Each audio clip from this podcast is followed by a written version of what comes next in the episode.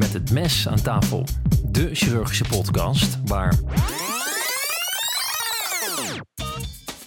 Met het mes aan tafel. Speciale lustrum-editie van de NVCO. Welkom bij weer een Lustrum aflevering van de NVCO met vandaag een aflevering vanuit de werkgroep Endocrine Chirurgie. We spreken met professor Els Niveen van Dijkum over schildklieren en neuroendocrine tumoren. Professor Niveen is chirurg in het Amsterdam UMC, opleider van Regio 2 en recent benoemd tot hoogleraar endocrine chirurgie. Op 9 september zal ze haar oratie uitspreken. Verder is zij oprichter. Vandaag, hè? Dat is, ja, dat is vandaag, eh, Tony. Eh, verder is zij oprichter van de Amsterdam Center of Endocrine en Neuro, Neuroendocrine Tumors. Is zij onze Nederlandse afvaardiging binnen de Europese vereniging ENETS en ECES. En is zij Principal Educator. Els, welkom. Dank je. Eh, fijn dat je nog eh, tijd gevonden hebt om, eh, om dit op te nemen zo'n week voor je oratie. Is, is alles af voor de grote dag? Ehm, bijna, bijna af. Ik sleutel nog een beetje aan wat, wat zinnen en wat woorden, maar het ziet er goed uit. En spannend neem ik aan. Dat, Ja. ja. Ja, spannend, leuk spannend is het. Ja, Ja. echt een uitdaging. Ehm, even terug naar het begin. Waar ben je eh, opge, opgegroeid en opgeleid? Oké, ik ben opgegroeid in Rotterdam, omgeving Rotterdam. En ik wilde heel graag geneeskunde studeren in Rotterdam. Maar ik werd ingelood, heel mooi, maar geplaatst in Amsterdam. Dat is als Rotterdammer even wennen. ik had ook niet gelijk een kamer in Amsterdam. En eh, nou, ik, moest, ik moest echt wel even wennen aan eh, Amsterdamse mentaliteit. Uiteindelijk heb ik een kamer gevonden en ben gaan roeien en eh, heb Amsterdam omarmd. En, eh, maar na mijn studie geneeskunde dacht ik wel, wat moet ik nu verder? Toen ben ik promotieonderzoek gaan doen hier in Amsterdam met, eh, bij professor Gauma.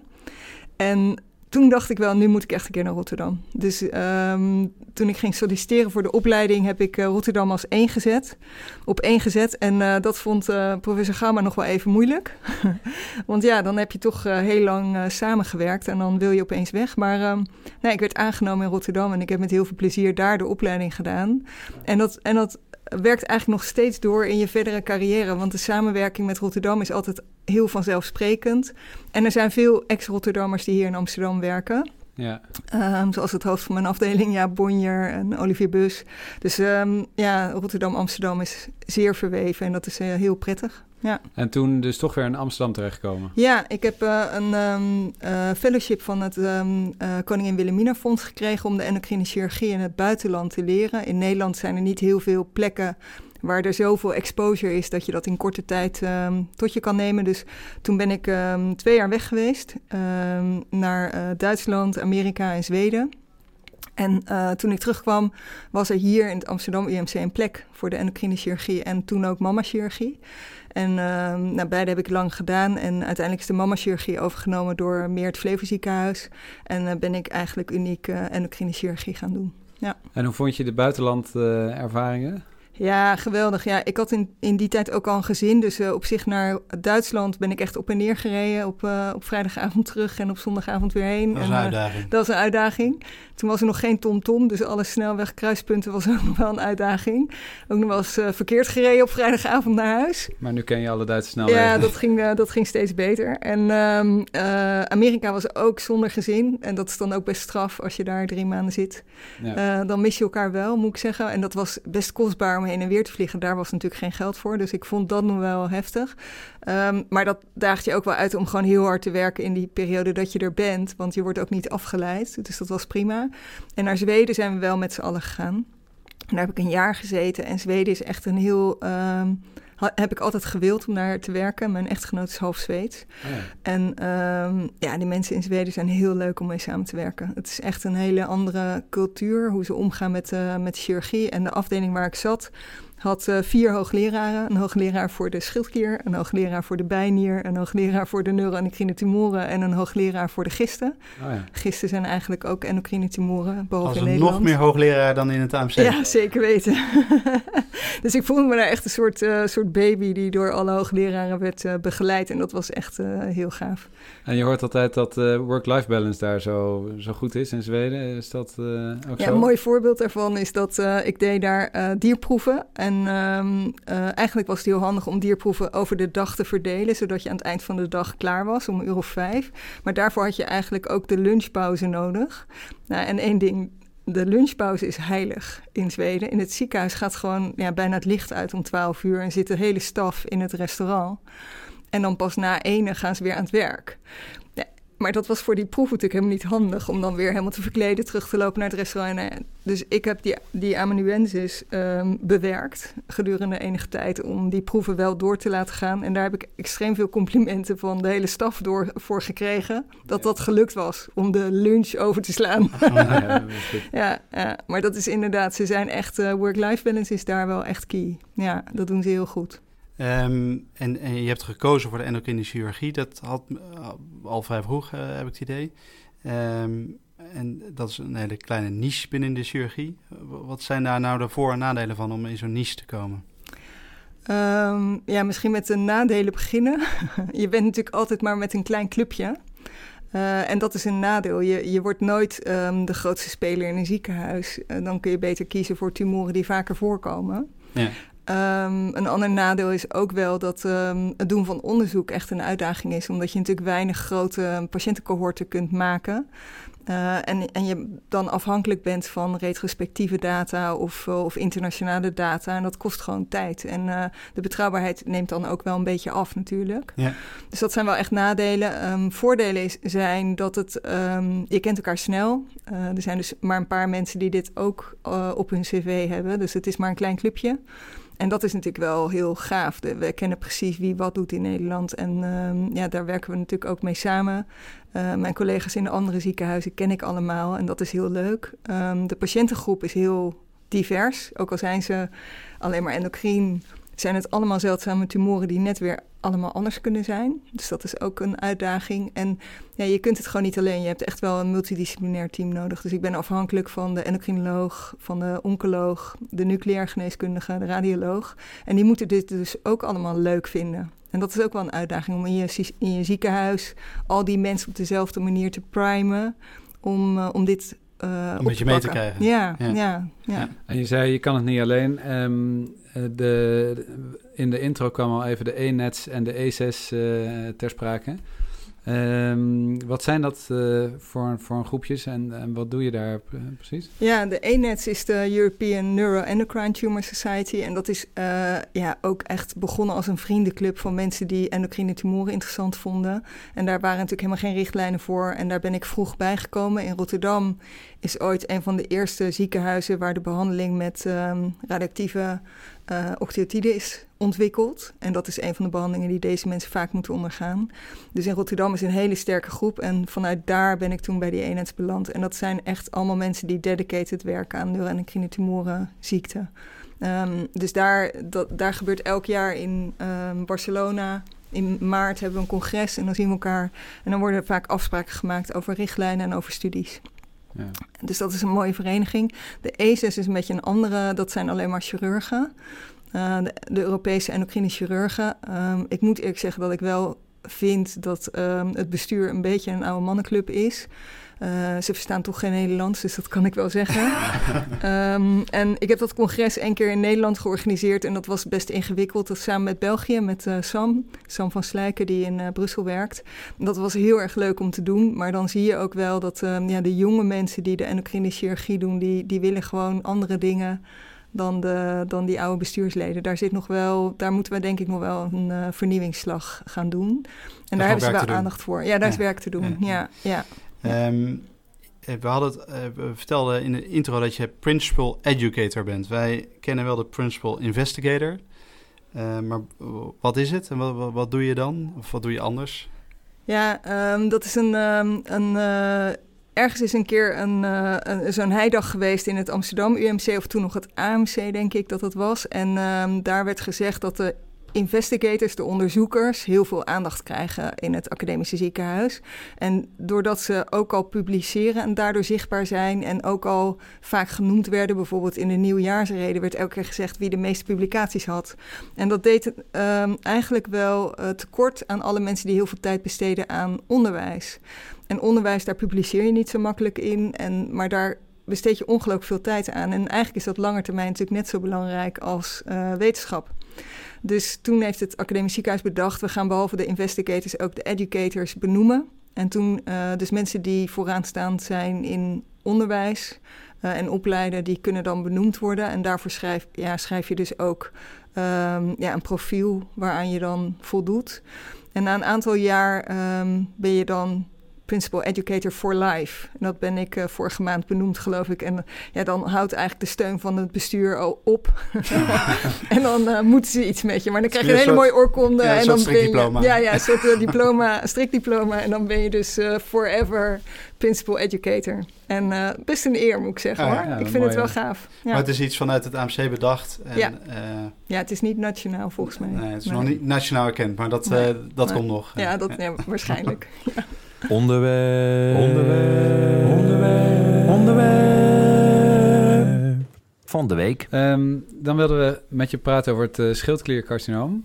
Ja. Ehm, we zagen dat in de voorbereiding dat 3 tot 8 procent van de bevolking een, een palpabele schildkliernodes heeft. En ehm, is dat dan ook hoe, hoe patiënten zich eh, meestal presenteren? Begint het met een knobbeltje in de, in de hals eh, dat, eh, dat dan een balletje gaat rollen?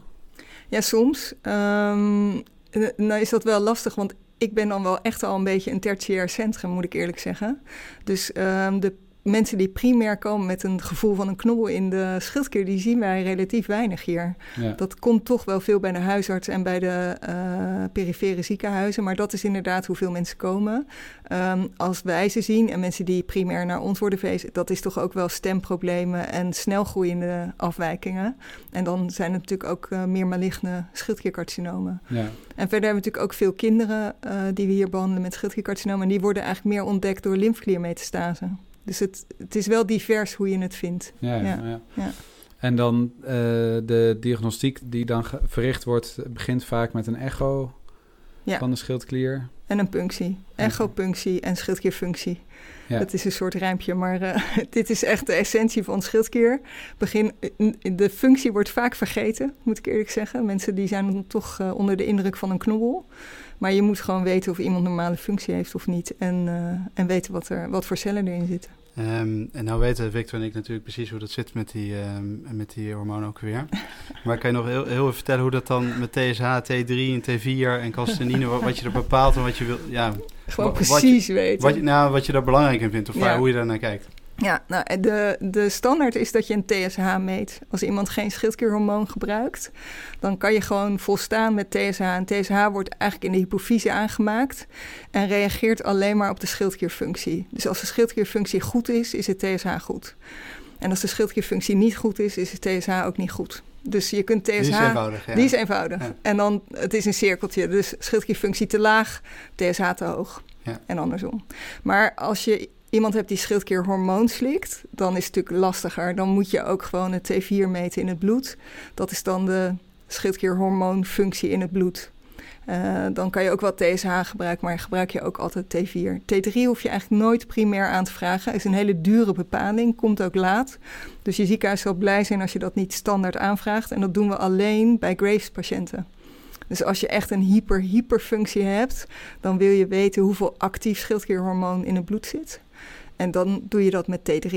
En dat doen we eigenlijk alleen maar de dag voor de operatie of zo. Om te zien of iemand echt in een crisis kan komen of eh, Ja. hoe erg het is. Ja. Dus die doe je nooit. En calcitonine? Ja, eigenlijk is de standaard om dat niet te doen. eh, omdat de fout-positieve eh, kans Waar, heel waar doe je hoog het voor, is. de calcitonine? Ja, oh ja, calcitonine. Dat komt uit de C-cellen in de schildklier. En die hebben niks met de schildklier te maken. Maar die maken medullair schildkliercarcinoom. En eh, dat is natuurlijk de derde vorm van schildklierkanker. Naast papillair, folliculair, medullair, anaplastisch. En medullair is zo'n genetische vaak. En eh, dat komt uit de C-cellen en die maken calcitonine. En calcitonine is een moeilijk hormoon. Dus dat heeft veel fout-positieve uitkomsten. En bepaal je eigenlijk alleen als je weet dat uit de biopte een medullaire vorm komt, dan ga je het calcitonine bepalen. Maar dan Ja. weet je al dat het een medulair is. Ja, maar dan maakt de hoogte van het calcitonine maakt heel veel uit voor welke operatie je doet. Dus eh, als het calcitonine torenhoog is, dan doe je eigenlijk preventieve lymfklierdissecties. Omdat je dan weet, het zit verder dan alleen in de schildklier. En medullair en anaplastisch is, is zeldzamer dan papillair en folliculair, toch? Die Ja. eh, Populair en folliculair is 80 tot 85 procent, vonden wij eh, Ja. terug in de literatuur. Heel goed. Ehm, en die zijn ook wat minder agressief dan de, de andere twee. Ja. Ja, de, de tienjaarsoverleving van die eerste twee zit, eh, ja, ik zeg altijd boven de 95% Maar als je naar ehm, ja, de meeste patiënten is het eigenlijk 100% Dus er overlijden maar heel weinig mensen aan een gedifferentieerd schildkliercarcinoom. Ja, Papulair en folliculair samen heet gedifferentieerd. oké. En we hebben heel zelden wel iemand die met gemetastaseerde ziekte komt, met name van die folliculaire. En als dat je, start uit, je uitgangssituatie is met metastase in de botten of in de longen, ehm, ja, dan zit je natuurlijk in een slechtere groep. Maar ook daar is de vijfjaarsoverleving gewoon boven de 90% Ja. Dus het is bijna een soort chronische ziekte. En die, die andere twee, anaplastisch, is geloof ik echt eh, ellende. Ja, we hebben net weer eh, een patiënt met een anaplastisch schildkliercarcinoom. Daar proberen we eigenlijk ook een soort acuut MDO voor te doen. Dus zodra iemand belt met we hebben iemand met verdenking anaplastisch schildkliercarcinoom, gaan wij buiten onze poli om zorgen dat hij direct komt. En dat wij ook een spoed PET-CT regelen en dan in één keer weten wat we kunnen doen. Ehm, en die mensen moeten heel snel geholpen worden, want je hebt maar heel weinig kans om iets te doen. En dat, dat verlies je in dagen. En heel snel is dan binnen een soort eh semi-spoed ingrepen of zo. Ja, dan? ja, dan melden we ook spoed aan. Ja, Ah, ja. ja. en dat is echt een kwestie van dagen. Dus je ziet die tumor soms bijna groeien. En dan denk je dat ik nu overdrijf, maar dat is niet zo. Ja, het is heel vreselijk. En ehm, soms is het niet dat je snel moet zijn om curatief te kunnen blijven, maar ook om palliatief wat goeds te kunnen doen. Nee. Ja, ja. En dat komt heel weinig voor. En wat is daar de vijfjaarsoverleving van, anaplastisch? Nul. Nul. Ja. Oké, ja, dat is Ja, wel nou, ik geloof 2% of zo. Ja, Ja, ja. ja. Afgerond nul. Ja, Ja. ja. Eh, Ehm, en wat eh, produceren nou alle schildkliertumoren eh, hormonen? Eh, ja. ja, nou ja, schildklier produceert hormonen. De Ja. tumor doet eigenlijk niet zoveel. Nee. Dus eh, je kunt wel hebben dat bij een anaplastisch schildkliercarcinoom er zoveel weefselverval is dat er heel veel schildklierhormoon in het bloed te meten wordt. Mhm. Maar een schildkliercarcinoom zelf meet je niet door een hoog schildklierhormoon. Nee, Ja. dat is geen tumormarker. Nee. Nee. En dan, eh, dus de echo, dan heb je de Bethesda-classificatie. Ja, Ja. ja. Ja, dat is een beetje net zoals je bij de mama hebt. Hè? Maar, Ja. maar hoe, eh, kan je vertellen hoe je daar naar kijkt of hoe je hem gebruikt? Ja, in de echo, de radioloog, die doet het met TIRAD. Net zoals BIRAD heb je dan TIRAD. Ah, ja. Heel, eh, heel eh, logisch. En de patholoog doet het met Oh, Bethesda. was het, ja. Ja. En ja, wij proberen die TIRAD wel te gebruiken om de ernst of de, ja, de, de kans op maligniteit van een nodus te voorspellen. Maar daar zijn we nog niet zo heel goed in, omdat die TIRAD eigenlijk pas de afgelopen twee jaar zo'n beetje standaard wordt benoemd. Ehm, en omdat hij zo weinig leidend is eigenlijk, omdat je toch je PA ook hebt. Dus ehm, ja. Dat is meer een onderzoeksdingetje. Die Nou ja, had. dat is denk ik iets wat de tijd gaat leren. Ja. Ehm, en wij weten nu bijvoorbeeld nog niet zo goed of de TIRAD, als een radioloog dan besluit op basis van TIRAD om geen punctie te doen, of die daar altijd terechte beslissing neemt, dat, dat weten we eigenlijk in Nederland nog niet. Dus ehm, dat zal wel volgen.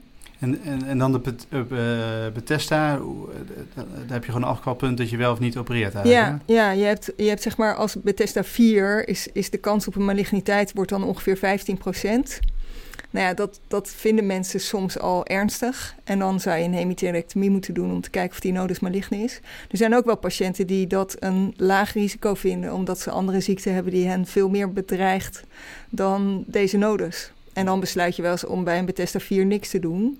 Maar dat is eh, een goed voorbeeld van shared decision making. Wat natuurlijk heel lastig is soms als mensen meerdere ziekten hebben.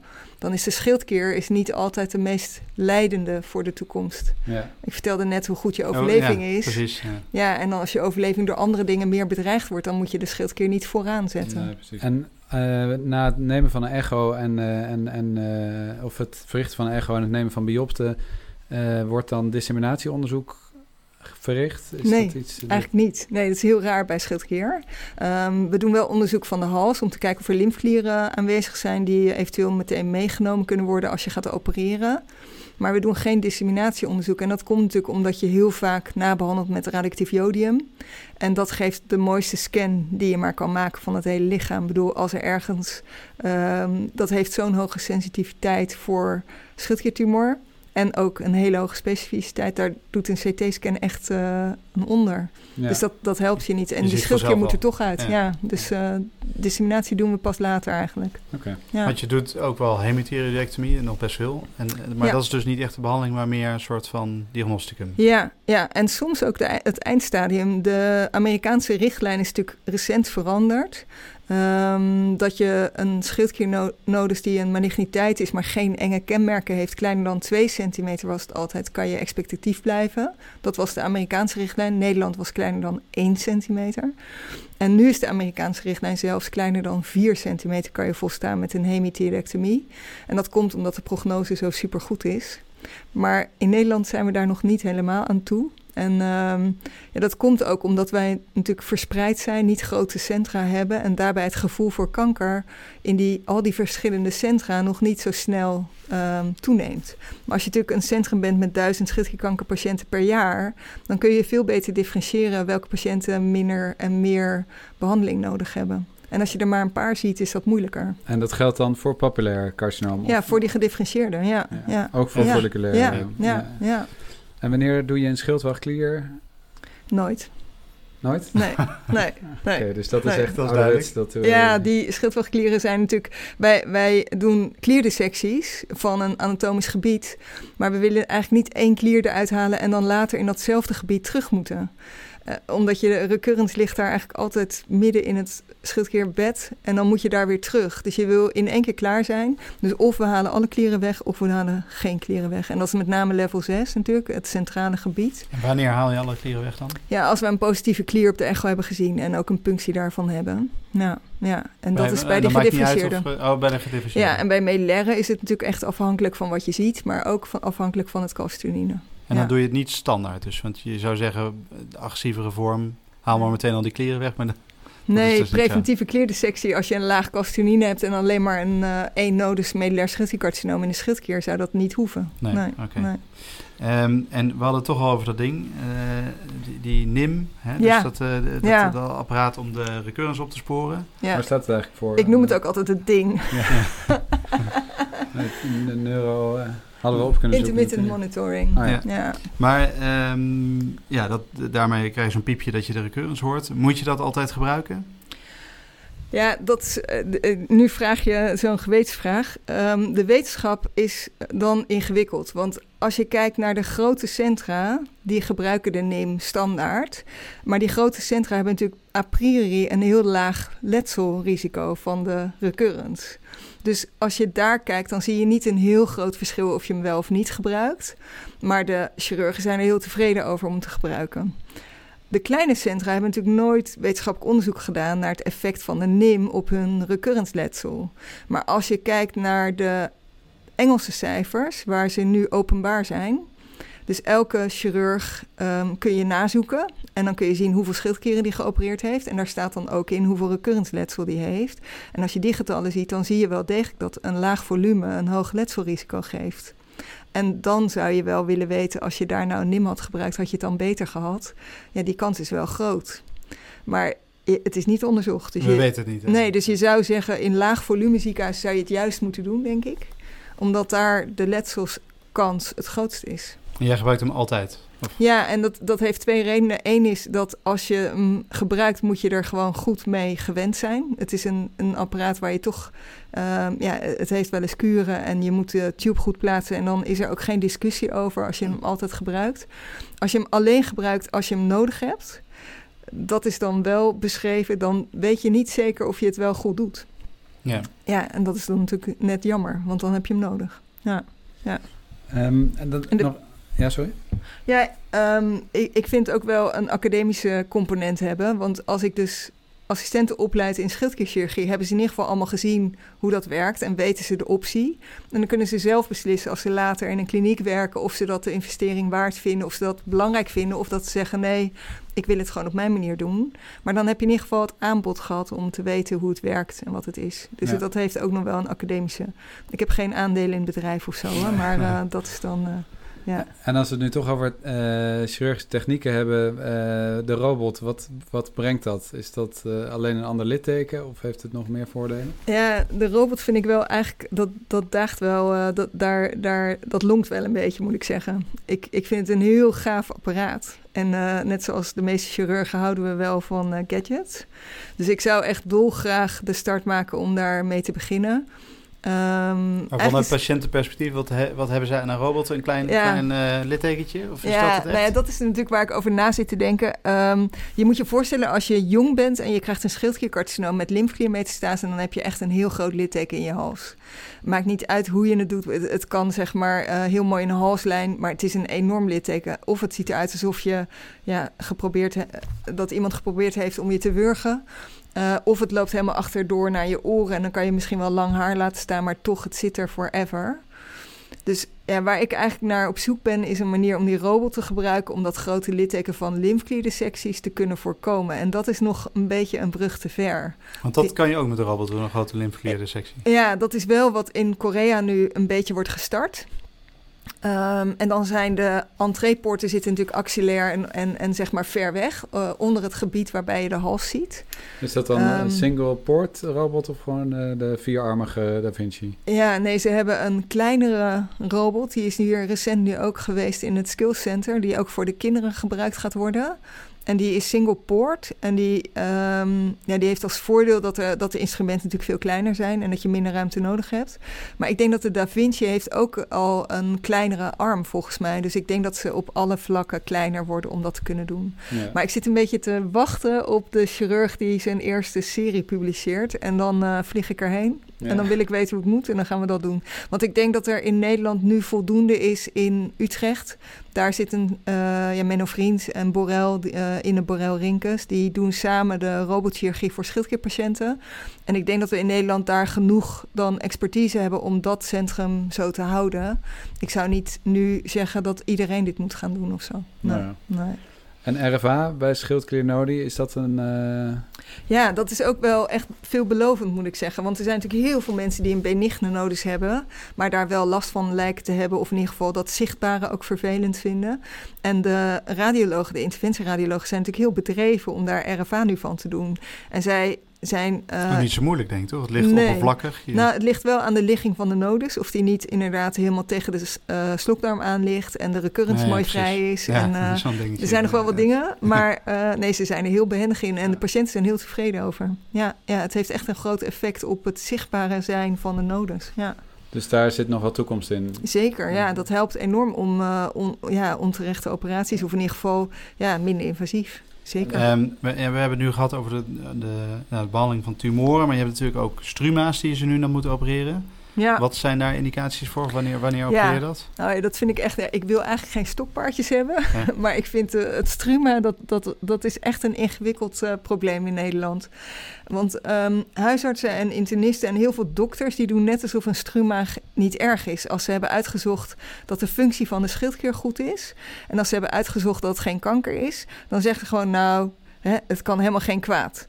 En uh, ja, opereren aan je schildklier, dat is wel heel erg eng. Hè? Dat is in je hals of nou ja, noem maar op. Dus dan zijn heel veel mensen soort van gerustgesteld. Het is geen kanker.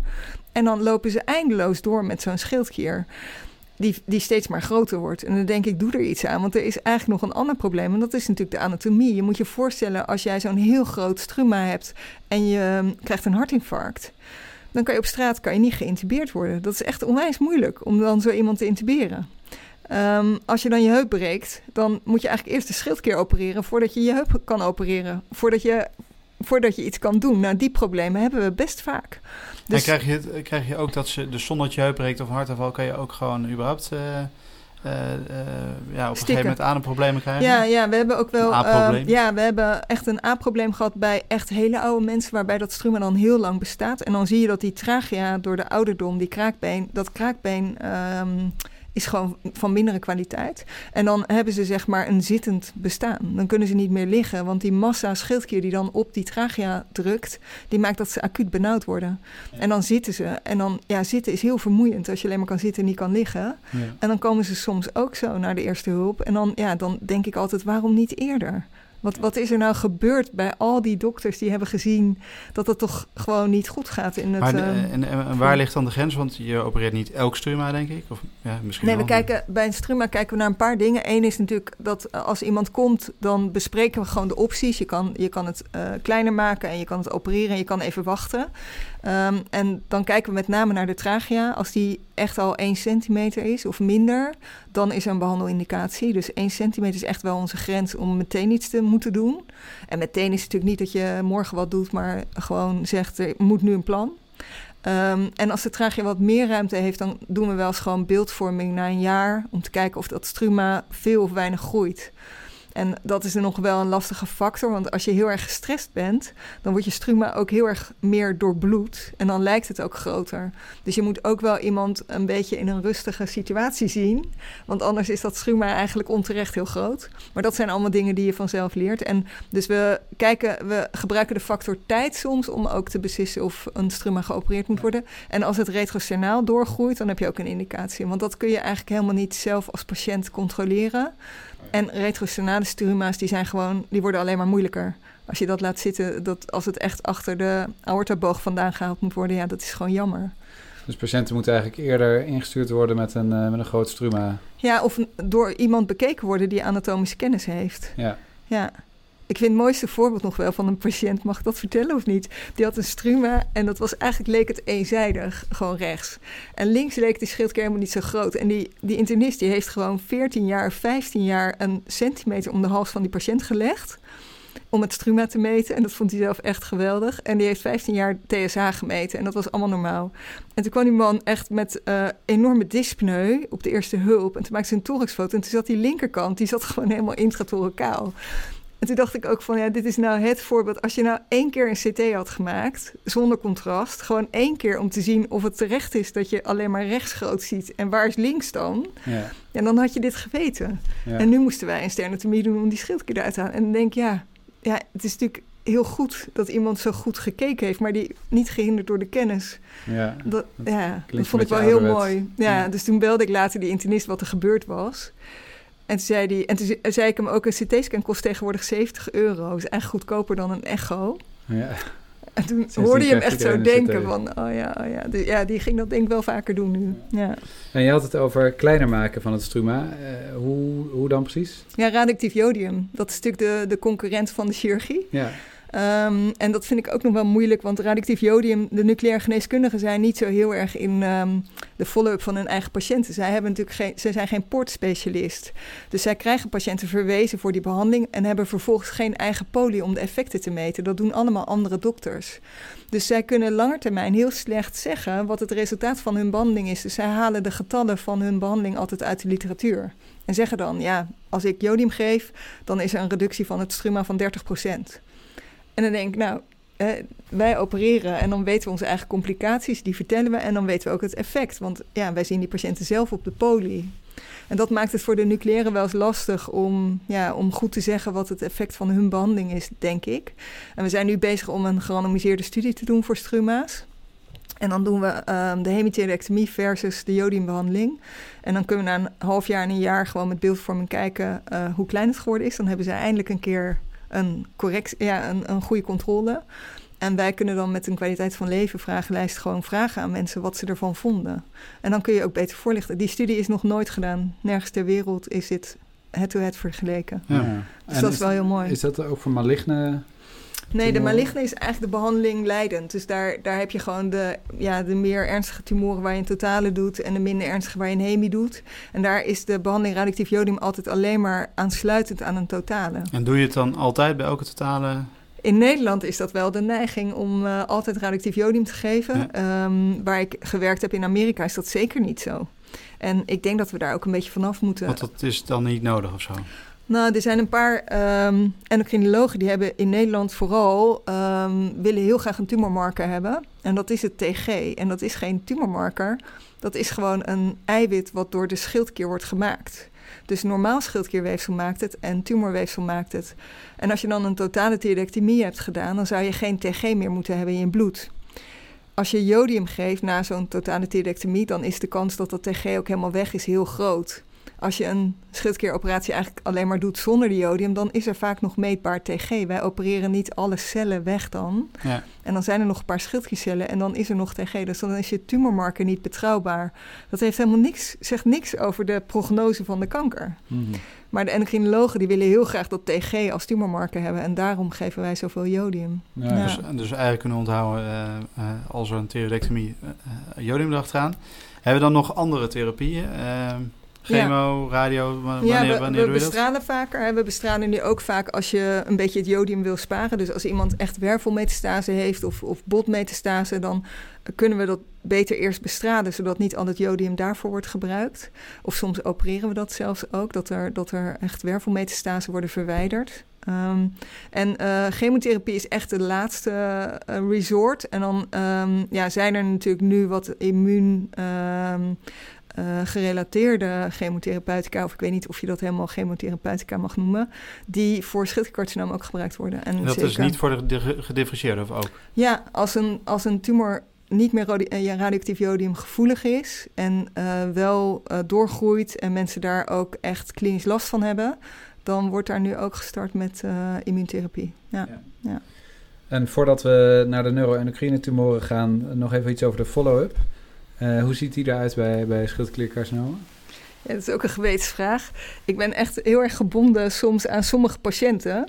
En uh, dan vind ik het eigenlijk leuker om de follow-up van een schildkliercarcinoom zelf te doen.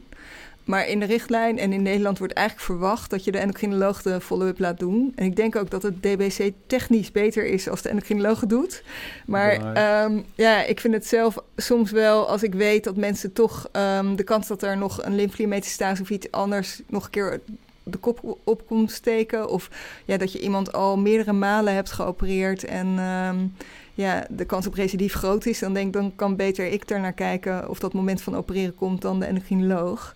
En uh, ja, Tirax doseren is ook niet het moeilijkste wat er is. Dus dan denk ik, dan doe ik het zelf. Maar dat Nee. is niet helemaal hoe het in Nederland niet, is dus. afgesproken. Nee, ik vrees Ah. dat dat niet... eh, daar ben ik geen schoolvoorbeeld. Nee. En, en dat doe je vijf jaar?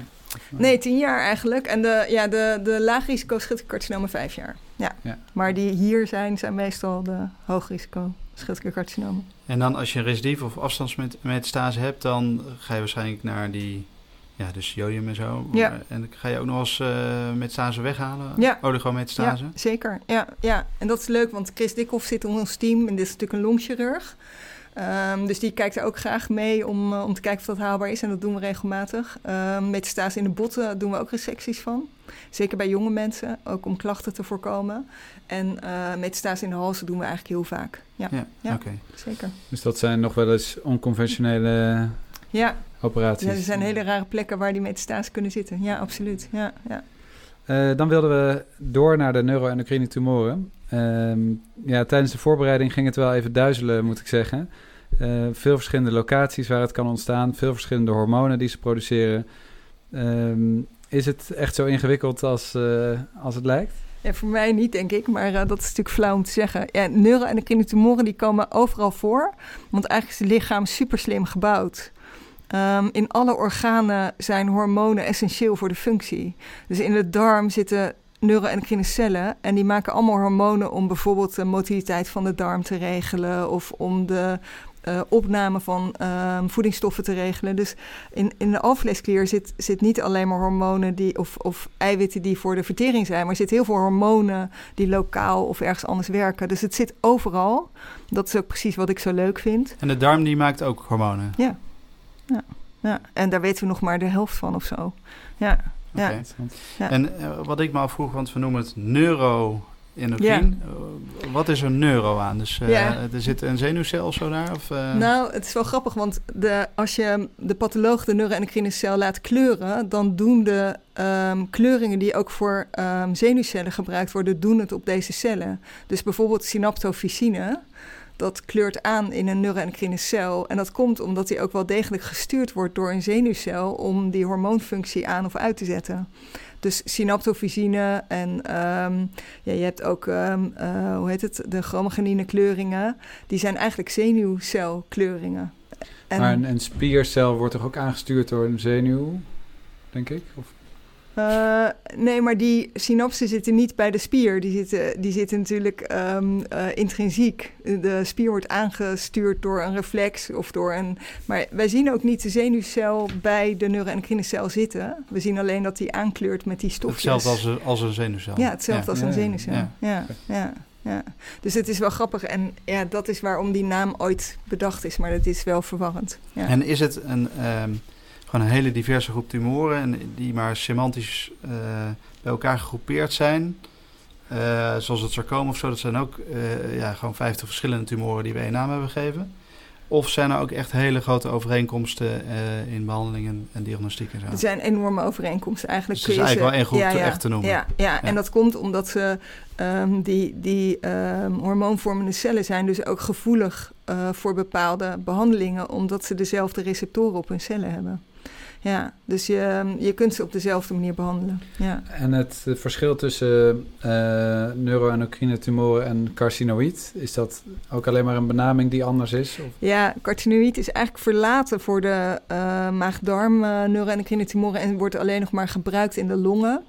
En ik weet eigenlijk niet waarom ze dat in de longen nog steeds wel willen gebruiken. Daar heb je echt een atypisch carcinoïd nog als echt een naamgeving. En in de, in de buik is het allemaal verlaten. Um, en dat is omdat neuroendocrine tumor dan meer generieke naam is, zeg maar. Ja. Een neuroendocrine uh, carcinoom? Ja, dat is echt de slechtste vorm van een neuroendocrine tumorsoort. Um, en dat komt, dan is de delingsfrequentie in die cel opeens enorm toegenomen. En hebben die cellen ook enorme metastaseringen en ingroeivermogen gekregen. Sommige mensen komen daar primair mee. Um, het is niet zo dat een neuroendocrine tumor differentieert uiteindelijk naar een neuroendocrine carcinoom. Dat zien we eigenlijk bijna nooit. Maar je kan wel een neuroendocrine tumor hebben die maligne is. Ja, dat is ook altijd zo verwarrend. Uh, eigenlijk zijn al deze tumoren maligne. Want um, ze hebben zeg maar een groeipotentie wat zich niet meer uh, houdt aan de grenzen van een orgaan. Of wat zich houdt aan uh, nuttige hormoonproductie. Dus het gedraagt zich eigenlijk altijd als een kankersoort. Alleen de delingsfrequentie is zo laag. Soms hebben, uh, is in een neuroendocrine tumor is maar minder dan 1% van de cellen aan het delen. Ja, dan is de tijd totdat het een gemetastaseerde ziekte is, is ongeveer 20 jaar of zo. Dus dan kan je het wel heel indolent noemen. En dan zou je het bijna benigne kunnen noemen. Maar het is eigenlijk allemaal wel kanker. Ja. Dus ik vind het ook wel moeilijk voor patiënten soms. Want ja, dan hebben ze een hele niet snel groeiende tumor, maar zitten ze vol metastase. En dan zeggen mensen, ja, maar neuroendocrine is toch benigne? Ja, dat is, dat is niet altijd een goede benaming, nee. En die delingsfrequentie, dat is de uh, mitotic count die je vaak uh, gebruikt Ja, de mitose-index en die Ki67-index. Dat zijn eigenlijk twee manieren om iets te zeggen over hoe actief die cellen zijn in een tumor. Ja. En dat maakt heel veel uit voor de toekomst. Uh, ja. Voor de, voor, de beha beha behandeling. voor de behandeling en voor de toekomst. Ja, als je een graad 1, dan, dan zijn bijna geen cellen aan het delen en is die Ki67 heel laag, onder de 3%. Ja. En bij een 2 is dat al hoger. En je hebt ook nog een graad 3 net tegenwoordig. Dan is de Ki67 wel hoog, maar zien die cellen er nog heel mooi gedifferentieerd uit. Eigenlijk nog heel, ja, zich goed aardig gedragend. En dan als al die cellen eigenlijk ook irregulair en nare kenmerken krijgen en een hoge Ki67, dan heb je een neuroendocrine carcinoom. Ja. Dus we hebben eigenlijk vier groepen gemaakt.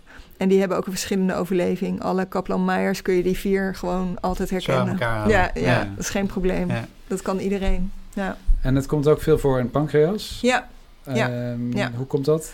Um, nou ja, er zitten heel veel neuroendocrine cellen in pancreas. En dat begint met de alpha-cellen en de beta en dan de gamma en dan noem maar op en al die namen. En de hormonen die ze maken zijn natuurlijk superleuk. Insulinomen, glucagonomen, vipomen, um, uh, pancreaspolypeptiden, somatostatonomen. Er zijn heel veel en dat is zo super zeldzaam dat ik een groot deel daarvan nog nooit gezien heb. Ja. Um, oh, maar, dat is wel interessant. Ja, dat is heel interessant. Dus, dus ja, dus daar zit je ook op te wachten. Ja. De, het centrum ja. van de neuroendocrine tumor, en die ziet ze ook nog niet. Nee, nee. Dat zijn net nee. goed vergeten. Nee, en, um, en, en dat geldt denk ik voor in Nederland zijn denk ik... ik nou, ik weet niet uh, hoeveel mensen er met... Nou, hebben we hier wel, maar bijvoorbeeld een somatostatonoom... Nou, in Rotterdam zullen ze er wel één of twee hebben gezien in hun carrière, maar meer niet, denk ik. Ja, dus niet eens één per jaar. Nee, nee, nee, nee. Eens in de in vijf Nederland. jaar of eens Ja. in de tien jaar. Ja. En hoe ja. worden ze meestal ontdekt? Ja, dat zijn extreme ziektebeelden. Dit zijn echt... Uh, ja, een insulinoom kennen je misschien wel, dat mensen die hypo's heeft. Uh, een glucagonom is weer heel anders, want dat, dat heeft ook heel vaak wel wat bijkomende verschijnselen. Uh, een een uh, niet goed te reguleren diabetes is natuurlijk heel ingewikkeld, maar die mensen hebben ook heel vaak wel huidafwijkingen of andere dingen waardoor je een beetje op het spoor komt. Maar iemand met een VIPoom, dat is echt een heel raar ziektebeeld. Die lopen helemaal leeg van de diarree. Die zijn gewoon gedehydreerd van hier tot Tokio. Die komen gewoon op de IC. Want en dan, welke hormoon maakt een VIPoom? Een, uh, VIP. Ja, VIP. een vaso-intestinaal polypeptide. En dat, dat zorgt eigenlijk dat je helemaal leeg loopt. Ja. En een gastrinoom is ook weer zo'n extreem ziektebeeld... waar mensen enorme buikpijn hebben en diarree... van het zuur in hun ontlasting. Ja, en ja, hoeveel mensen hebben buikpijn en diarree? Dat zijn er natuurlijk mega veel. Dus voordat je door hebt dat het een gastrinoom is... en hoeveel mensen krijgen niet gewoon een PPI als ze een beetje klachten hebben... Nou, dat helpt enorm. Dus het dan, lijkt me heel lastig voor een huisarts om... Uh, ja, die zouden toch niet vaak uh, eentje opsporen? Nee, nee. Maar, en worden ze denk ik ook dan heel vaak bij toeval gevonden bij een scan of zoiets? Hè? Ja, nee, ik vind bij insulinomen zijn de verhalen echt het allermooist. En die eentje zal ik ook in mijn oratie vertellen. Maar een, een andere die ik niet vertel, kan ik hier wel vertellen. Maar um, een, een jonge man die op een voetbalveld gewoon uh, onwel wordt... en uh, een keertje bij het fietsen onwel wordt... die wordt uiteindelijk een keer in de ambulance meegenomen... en heeft hij een glucose van 1... En die ambulancebroeder die zegt, ja, het is gewoon een foutmeting. Nou, en dan gaat hij natuurlijk naar de huisarts erna, want hij is ja, in, op de eerste hulp geweest. Die zeggen allemaal, laat je nog een keer controleren bij de huisarts. En dan prikt hij natuurlijk een insuline wat normaal is of een glucose wat normaal is. Hè, dan, dan heb je net gegeten of ja, dan is het goed. Nou, en zo gaat dat een tijdje door, dat die jongen her en der onderuit gaat. En best wel eens een glucose van 1 wordt gemeten, maar want niemand dan denkt dat is niet goed. Want die dingen geven intimiderend hormonen af, ja, blijkbaar. Ja, dat gaat te pas en te onpas. En die jongen leert natuurlijk ook een beetje het uh, voorkomen. Dus die gaat dan op meerdere momenten op een dag eten om te zorgen en altijd eten bij zich hebben en noem maar op. Dus er is ook een aanpassing van de mens. Totdat een ambulancebroeder een keer één ziet en zegt: Ja, dit is echt niet goed. Maar daarvoor hebben natuurlijk al vier mensen die één gewoon genegeerd. Denkend het apparaat is niet goed of dat kan niet.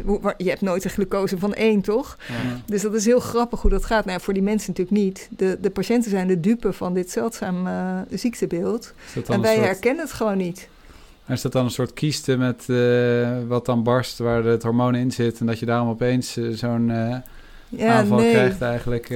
Nee, het de, de hormonen die in een insulinoom worden gemaakt... zitten wel in een soort vacuolen. Dus ze, ze, hebben heel veel voorraad. En waarom ze dat dan te pas en te onpas de bloedbaan insturen... dat weten we eigenlijk niet, wat dat dan triggert. En het erge is dat dat gewoon continu kan of af en toe. Of, ja, ja. ja. En wat, hoe zou je nou de, de, de workup van de diagnostiek... bij neuroendocrine tumoren beschrijven? Want het lijkt me lastig, omdat het zo divers is. Ja. Uh, ja, ik denk, ik denk voor de diagnostiek dat het, dat het essentieel is om echt een goede stagiering te hebben. Dus wij doen heel vaak een galliumdotataatscan. Um, en dat, dat uh, uh, grijpt aan op de octreotide receptor van deze cellen. En de sensitiviteit en specificiteit is heel erg hoog. We hebben vrij, vrij weinig fout, foute afwijkingen. Een bijmild is natuurlijk een slechte, want die komt ook op op een galliumdotataat, maar dat herkennen we wel. Voor maar alle dus, neuroendocrine tumoren Ja, galliumdotataat is eigenlijk altijd... Ah, ja, ja, ja, maar niet voor een neuroendocrine carcinoom. Dan moet je gewoon een FDG-pet doen. Want dan verliest hij eigenlijk zijn aangrijppunt voor oxytide. Ja, ja. En dan moet je gewoon die suikerstimulatie uh, meten met de FDG. Ja, ja, ja. maar dus ook voor, voor een uh, neuroendocrine tumoren in de darm en ja. waar dan ook. Ja, ja echt. En, um, ja, en de nucleair geneeskundigen die vaker galliumdotataatscans maken... die worden ook steeds beter in het onderscheiden van niet-neuroendocrine opname. Ja, dus bijvoorbeeld als je net gevallen bent en een uh, ribfractuur hebt gehad, dan zie je daar soms ook opname. Net zoals bij FTG zie je dat dan daar ook, maar dat is niet gerelateerd aan tumor. En een galliumdotataat is niet hetzelfde als een octreotide-scan? Nou, de octreotide-scan is de oude vorm. Ja, ja. ja dus dat en wordt die, niet meer gebruikt. Nee, het nadeel van octreotide is, als je dat met octreotide-scan, dat duurde drie dagen. En een galliumdotataat is gewoon uh, twee uur of zo. Ja, ja. ja. En, en dan heb je ook nog uh, ingewikkelde markers die je kan. Dus uh, A en volgens mij nogal meer. Ja. Gebruik je dat of wanneer doe je dat? Ja, nou dat is ook wel interessant. Want um, vroeger dachten we, we moeten alle hormonen meten bij iedereen met neuroendocrine tumoren. Maar dat is eigenlijk helemaal niet zo efficiënt en het is hartstikke duur. Um, wat we nu doen is als iemand geen tumor meer in situ heeft, dus hij is geopereerd voor een neuroendocrine tumor en we hebben alles verwijderd, dan meten we ook geen tumormarkers. Want chromogenine A heeft iedereen aan boord, jij en ik. En als je bijvoorbeeld een PPI slikt, dan is het hoger. Als je een beetje nierfalen hebt, is het hoger. Als je heel veel bananen eet, is het hoger. Ja, dat is onwijs irritant, want dan krijg je van die half verhoogde waarden. Zijn die mensen allemaal in paniek van, oh, er zit iets, doen we een scan, vinden we niks. Ja, dat is, dat is gewoon Dan vraag je aan de kansloos. patiënt of ze toevallig veel bananen Ja, eten. avocado is ook zo'n goede. Koffie. Dus ja, dat werkt gewoon niet. Dus we zijn eigenlijk gestopt met dat meten van die tumormarkers als iemand op de scan en na een operatie geen tumor meer heeft. Maar als En de oncoloog. hoeft het ook niet. Nee, het helpt niet echt dan. Nee. Nee. Maar Dat als de oncoloog. Ja, dat, dus je zou. stoppen met die... Ja, stoppen met al die hormonen. markers. Ja, ja, gewoon stoppen. Dan hoef je ook niet over na te denken. Nee. Nee, gewoon niet doen. Ja, het scheelt. En als de oncoloog zeg maar gaat behandelen en ehm, mensen hebben heel veel klachten, dan wil je natuurlijk weten of die klachten door hormonen komen. Want dan is de reden om te, behandelingen nog, om te behandelen nog groter. Dus als je heel veel diarree hebt omdat je heel veel tumor hebt en die diarree komt door een bepaald hormoon, dan kan je natuurlijk gaan behandelen om dat hormoon omlaag te krijgen. Maar dus is dan het- is het wel zo. Maar je zei net dat ze eigenlijk bijna allemaal maligne zijn. Moet je niet altijd behandelen dan? Nu zeg je... Nee, we zijn, er zijn best wel wat mensen waar we zeg maar eh, bijvoorbeeld een dunne darmnet verwijderd hebben. En die dan in de follow-up een levermetastase krijgen. En dan zien we die op de beeldvorming. En dan zeggen we ja, er zit nu in segment 8 heel diep ergens achter. Eentje van 1 centimeter. Ja, laten we heel even wachten, want daar hebben ze dan nog helemaal geen last van. En dan kijken we gewoon na een half jaar, een jaar of het groeit. Of er nog eentje bij komt. Of dat er klachten zijn. En als dat er niet is, dan wachten we soms ook. Ja, Want dan is de behandeling eigenlijk erger dan de kwaal. ja. Want ja, dan ga je iemand elke vier weken prikken en andere dingen doen. En terwijl het nog niet echt een effect hoeft te hebben. En dat helpt natuurlijk als je weet dat het een graad 1 tumor was. Dan gaat het ook allemaal niet zo snel. ja, Dus dan wachten we. Ja, ja. ja. Ehm, en is er nog een verschil in hormoonproducerende neuroendocrine tumoren... of je ze wel of niet behandelt? Ja, dat zei je ja. net eigenlijk al. Hè? Dat- ja die geven heel veel klachten, dus dan moet je wel. Ja, En eh, we hebben recent, ehm, deze week zag ik op de poli een beetje zo'n eh, zo'n eh, ideale patiënt. Een, een echt een hele jonge vent van in de twintig met een gastrinoom. En toen hij kwam was hij volledig gemetastaseerd. Dus hij had heel erg last van zijn hormonen. En zijn hele lever zat vol met metastase. En wij konden de primaire tumor niet vinden. Die zit dan ergens in de duodenum of pancreas of waar dan ook. Maar nou, niemand kon hem vinden. En toen hebben we gezegd, nou ja, wat wil je? Wil je maximale behandeling kijken of je dan een overlevingskans hebt? Of, of wil ja, wat wil je? Nou, het is echt gewoon een jonge vent die eh, hier lekker aan de wiet was en eh, aan het studeren was. En die had helemaal nergens zin in natuurlijk. Dus die is een beetje weggebleven. Maar uiteindelijk dacht hij, dit werkt toch ook niet. Want hij moest zoveel PPI slikken dat hij helemaal gek van werd. En toen hebben we eerst een wippel gedaan. En dan heb je het hele gebied waar het gasgenoom in kan zitten verwijderd.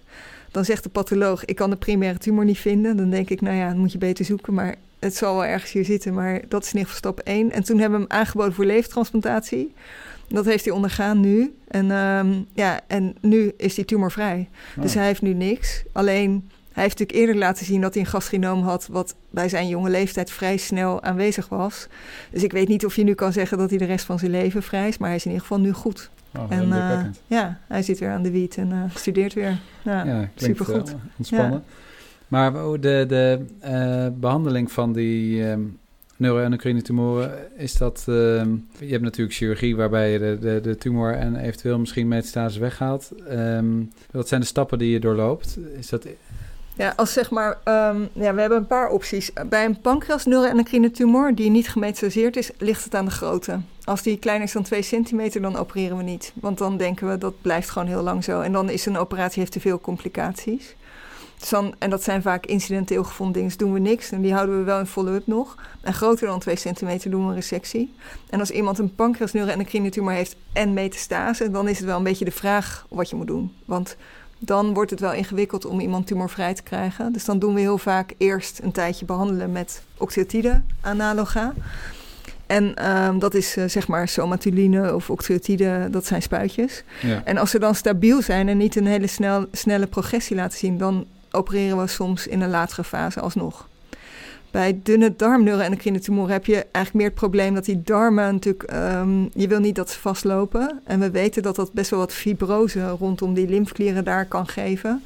Dus daar doen we hetzelfde. Dan starten we vaak met de behandeling met octreotide. En als ze dan een beetje stabiel zijn over de maanden en, en opknappen vaak, omdat de diarree weggaat door dioxetide en ze, worden, ze zijn wat fitter dan, dan bespreken we opnieuw of we niet de primaire zullen verwijderen. Ook al hebben ze levermetastase.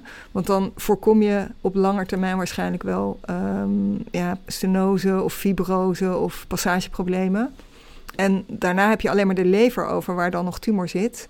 En dat is makkelijker te behandelen. Kunnen we daar emboliseren of daar kunnen we uh, RFA doen of wat dan ook. Hey, kan, je, kan, je, daar meer over vertellen wat je nou kan doen bij die levermetastase? Want dat is een belangrijk deel van de behandeling volgens ja. mij. Ja, levermetastase, daar doen we in Nederland vrij weinig resecties. Ik denk dat internationaal dat wat vaker gebeurt. Dat, dat dat idee heb ik. Wij doen ook wel wat resecties.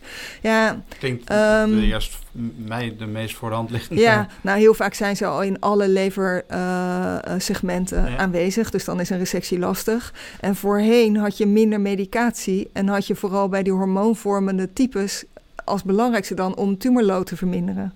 Als je geen medicatie hebt voor die hormoonoverdaad, uh, dan moet je wel recesseren. Dus vanuit dat principe zijn heel veel ziekenhuizen denk ik een beetje gebleven in dat blijven opereren. Terwijl ik denk, uh, bij mensen die levermetastase hebben, dan zou je eigenlijk uh, zo weinig mogelijk harm moeten doen met zo groot mogelijk effect. En dat krijg je eerder van emboliseren en RFA doen en, en medicatie geven dan van een resectie. Want bij een resectie is de kans dat je curatief bent eigenlijk nul. Uh, dat, meestal zijn die cellen al in de hele lever verspreid. En dus dan is het een korte termijn effect. Dan doe je een wat, wat doe je dan? Ja, het mooie van neuroendocrine tumoren, mooi moet ik natuurlijk niet zeggen, maar het interessante is dat ze arterieel doorbloed zijn. En dat geeft in de lever de kans om arteriële embolisaties te doen, waarbij je alleen maar die tumor uitschakelt en het veneuze systeem eigenlijk ja, in, intact laat. En dan is er heel veel discussie of je dat met of zonder chemotherapie moet doen, en, of met yttrium bijvoorbeeld, radioactieve bolletjes. Ja. Nou, en daar is um, ja, verschil van mening. Als je naar de literatuur kijkt, dan is er um, blend, dus alleen maar het dichtzetten van de arterie, is eigenlijk net zo goed als de chemotherapie lokaal geven. Dus de effecten zijn niet heel verschillend. Maar dan zijn er gewoon believers die vinden dat je dat wel moet doen. Maar de leverschade van lokale chemotherapie of yttrium, radioactieve bolletjes, is best groot. Dus als je dan leverschade hebt gemaakt, dan kan je heel vaak in andere delen van de lever minder doen. Ja. Dus ik ben eigenlijk een voorstander wel van blend embolisatie totdat je niet meer kan. En dan moet je misschien een keer met chemotherapie emboliseren of met, uh, met. En wat voor chemo uh, kan je ze geven? Want je, je geeft allemaal ook thyroïde, uh, Uiteindelijk statine-analogen. Ja. Maar heb je ook gewoon chemo? Ja, voor de neuroendocrine carcinomen hebben we CAPTEM eigenlijk als belangrijkste behandeling. Dus capcitabine, tem temozolomide. Ja. Okay. ja. En dan is er ook nog peptide receptor radionuclide therapie? Ja. ja, dat is dus ontwikkeld in Rotterdam. En um, dan heb je dat octreotide wat je gebruikt voor de galliumdatataatscan en voor de octreotide-scan heb je radioactief gemaakt in zo'n hoge dosis dat het um, tumor straalt. Dus de tumor uh, kleiner maakt en, uh, en behandelt. En daar hebben ze in Rotterdam echt mega... Dat is eigenlijk het grootste centrum in Nederland. Uh, in de wereld misschien wel. Ze zijn ooit begonnen. De nucleair geneeskundige die dat daar ontwikkeld heeft... is Erik Krenning. Samen met zijn team. Nou, dat is echt briljante actie geweest. Echt heel gaaf. Je bent eigenlijk bij een vernieuwing in de wetenschap geweest... als je dat hebt meegemaakt. Dat vind ik zo gaaf. Dat is toch wel Steve Jobs? Is, had hij niet ook uh, dit? Ja, nou, dat was een beetje natuurlijk gevoelig dat je het over een bekende persoon hebt die ziek is en dan daarheen gaat. Maar hij is inderdaad in Rotterdam behandeld, ja. ja, ja dus ook met deze techniek? Ja, en wij hebben nu recent, en um, de, uh, de PRT-behandeling is natuurlijk op een bepaald moment is het is, wordt het verkocht aan een bedrijf. En um, dat bedrijf, PRT, PRT, dat is die um, oh ja, uh, peptide radioactief. Die zin die ja, ja, PRT, ja, we het zo maar noemen. Um, en verkocht aan de industrie. En de industrie levert nu dat stofje, maar heeft het natuurlijk ook veel duurder gemaakt. Eigenlijk was het voorheen zo'n beetje 10.000 euro per behandeling, 6.000 euro geloof ik zelfs. En de industrie heeft dat naar, nou, ik geloof 60.000 euro verhoogd of zo die getallen moet je me niet helemaal op vastpinnen, maar echt, echt meegaan. Um, en wat wij nu hier hebben gedaan is het magistraal bereiden, dus zelf gaan bereiden. En daar hebben we net de eerste drie patiënten mee behandeld. Um, en dat is helemaal met toestemming van de zorgverzekeraars, van de apotheek, van de nucleair geneeskundige, van de raad van bestuur.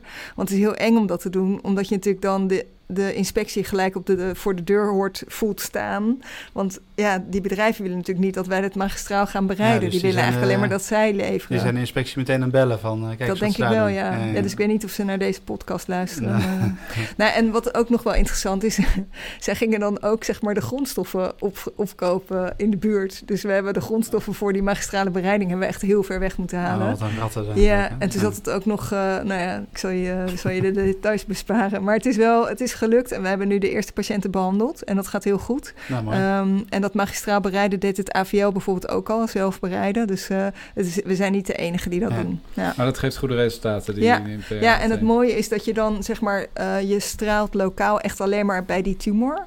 En ehm, dan maak je hem vaak wel kleiner of soms verdwijnt hij zelfs helemaal. Maar dat is wel heel zelden hoor. Ja, Ehm, en nou is dit een heel zeldzaam ziektebeeld, hè, daar begonnen we eigenlijk mee. Ehm, en dan krijg je al heel snel de vraag over centralisatie. Hè. Ja. Ehm, hoe, hoe kijk jij daar tegenaan? Hoeveel, hoeveel, nou, hoeveel centra zouden we in Nederland moeten hebben als je niet weet dat AMC daar ook een van is? ja dit ligt wel een beetje gevoelig misschien, maar we- er zijn 700 nieuwe patiënten per jaar. Ja, En we hebben eh, vier ENET-centra in Nederland. Dus de ENET accrediteerd. En ehm, die hebben kwaliteitseisen. En dat is Groningen, Rotterdam, Utrecht met het AVL en het AMC. En wij zouden met z'n vieren, zouden wij volledig die nieuwe patiënten allemaal kunnen behandelen. 150 patiënten per jaar, dat is echt prima. Of, of wat zeg je dan, 200? Ik moet goed rekenen, bijna 200 patiënten per jaar, denk ik. Dat zou prima kunnen. En dan heb je nog wel, omdat deze mensen lang leven, heb je een enorme prevalentie rondom jouw ziekenhuis. Want ehm, ja, als mensen een tienjaarsoverleving hebben, ook van 80%, dan heb je dus heel veel patiënten die je regelmatig moet zien. En daarvoor zou je natuurlijk vanuit je eenheidscentrum een aantal klinieken om je heen willen hebben, die dan de zorg toch weer een beetje terugnemen. Als iemand elke vier maanden een oxytidespuitje krijgt en af en toe lab moet hebben en beeldvorming, dan zou je dat natuurlijk prima dichtbij kunnen doen. Maar ik denk dat die vier centra genoeg zijn voor de nieuwe patiënten. En dan heb je natuurlijk wel het probleem dat soms acute patiënten, iemand met een neuroendocrine tumor van de darm die vastloopt, die komt in elk ziekenhuis wel een keer voorbij. Ja, dan moet je gewoon kunnen bellen als je denkt van, zou dit endocrine kunnen zijn? Zou dit een, een net kunnen zijn, een dunne darm? Dan zou je natuurlijk moeten kunnen bellen naar een van ons. Maar dat kan ook, dat gebeurt ook regelmatig, moet ik zeggen. en nu Ja. doet elk centrum, of, of, of is er nu Nou, er zijn wel ziekenhuizen die het natuurlijk heel interessant vinden. Kijk, als een endocrinoloog iemand krijgt die die verdenkt van een insulinoom, ehm, dan weet hij. Dan zou die natuurlijk kunnen zeggen: Oké, ik ga de diagnostiek helemaal rondmaken voor dit insulinoom. En dan heb je nog wel eens een MDL-arts die het ook heel leuk vindt om te kijken waar die zit en een EUS gaat doen. En ja, zo gaat het verhaal natuurlijk verder. En dan voor je het weet heb je ook nog een chirurg die zegt: Ja, ik doe ook wippels, ik kan dat er ook wel uithalen. Dus dat is een beetje het probleem. Dat het is zo interessant als je die ene patiënt een keer vindt, dat dan, dan is in een ziekenhuis de gang om het te doen, is dan soms al gemaakt.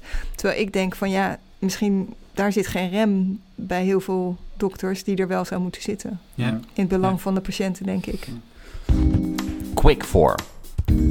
Eh, eerst de quick for. Wat ehm, is je grootste passie buiten het ziekenhuis?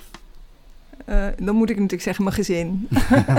En je mag dan Een ook nog iets daarnaast zeggen. Eh, roeien. Oei. We hebben net 100 kilometer gegroeid voor het Deltaplan. Ja, gefeliciteerd. Ja, ja. Ja. En wat zou je doen als je geen chirurg was geworden? Ehm, ik denk dat ik wel arts was geworden. Ja, mag dat dan ook nog? Endocrinoloog of zo. Nee, dat nooit. Nee. Sorry. Nee, eh, ja, ik denk... eh, ja, ik denk wel arts. En dan, eh, ja, ik weet eigenlijk niet. Misschien wel KNO-arts dan of zo. Ja, weet ik niet. En als je zelf een advies zou kunnen geven aan het begin van je opleiding, wat, wat zou dat dan geweest zijn? Ehm, ja, ehm, wat mij het meest helpt altijd is om toch gewoon ehm, goed te luisteren naar iedereen om je heen. Want eh, ook al vind je mensen irritant, ze hebben toch meestal wel een zinnig iets gezegd. En juist de mensen die irriteren, die zeggen meestal betere dingen nog. Dus eh, alleen maar positieve mensen om je heen, dat helpt niet altijd. Ook al voelt dat beter. En ehm, zelf ook gewoon eh, hard blijven werken. Eh, Je hebt wel eens neigingen om een beetje het tempo omlaag te brengen, maar dat, dat dan is het moeilijk om het tempo weer omhoog te krijgen. Terwijl ik denk dat je toch blijer wordt als je een beetje een soort gemiddeld stevig tempo houdt. Ja, Tempo houden. tempo houden, maar dat is een beetje uit de roeien misschien. En wat is de grootste eh, verandering binnen de chirurgie tijdens je carrière? Ja, meer vrouwen. Er zitten Ja. echt veel meer vrouwen. Ja, ja. superleuk. Oké, Nou, dat vind ik een leuk goeie. antwoord. eh, Ja. Daar komen we zo misschien nog eh, op terug. oké, de dilemma's. ja, dat, dat geloof ik. Duivelse dilemma's. Ehm, ja, het eerste, we gaan naar de duivelse dilemma's. En eh, eh, mag je kiezen, dus een van de twee. Eh, grote KWF, beurs binnenhalen of opleider van het jaar worden? Opleider van het jaar. En alleen nog maar schildklieren of alleen nog maar bijnieren? Oeh, die is echt niet te doen. Die kan ik niet beantwoorden. Shit. Ehm, echt? Met mes op de keel? Ja, je moet kiezen. Eh bijnieren. Hebben we het Oh, helemaal niet over gehad. nee, dat, dat- Ehm, en wil je een gewone of een vegetarische bitterbal? Een vegetarische. Ehm, en de chirurgencup missen of een roeiverbod? Moeten we erbij zeggen dat Els al, ik geloof, 22 op een volgende jaren geweest is. Ehm, ik ga geen chirurgcup missen. Dat is een roeiverbod. Ja. Hoe lang is het roeiverbod dan? Forever? Of... En ehm, eh, dan mag je kiezen tussen meer vrouwen in de chirurgie of meer diversiteit binnen de chirurgie. Meer diversiteit. Ehm, dan zijn we een beetje aan het eind gekomen.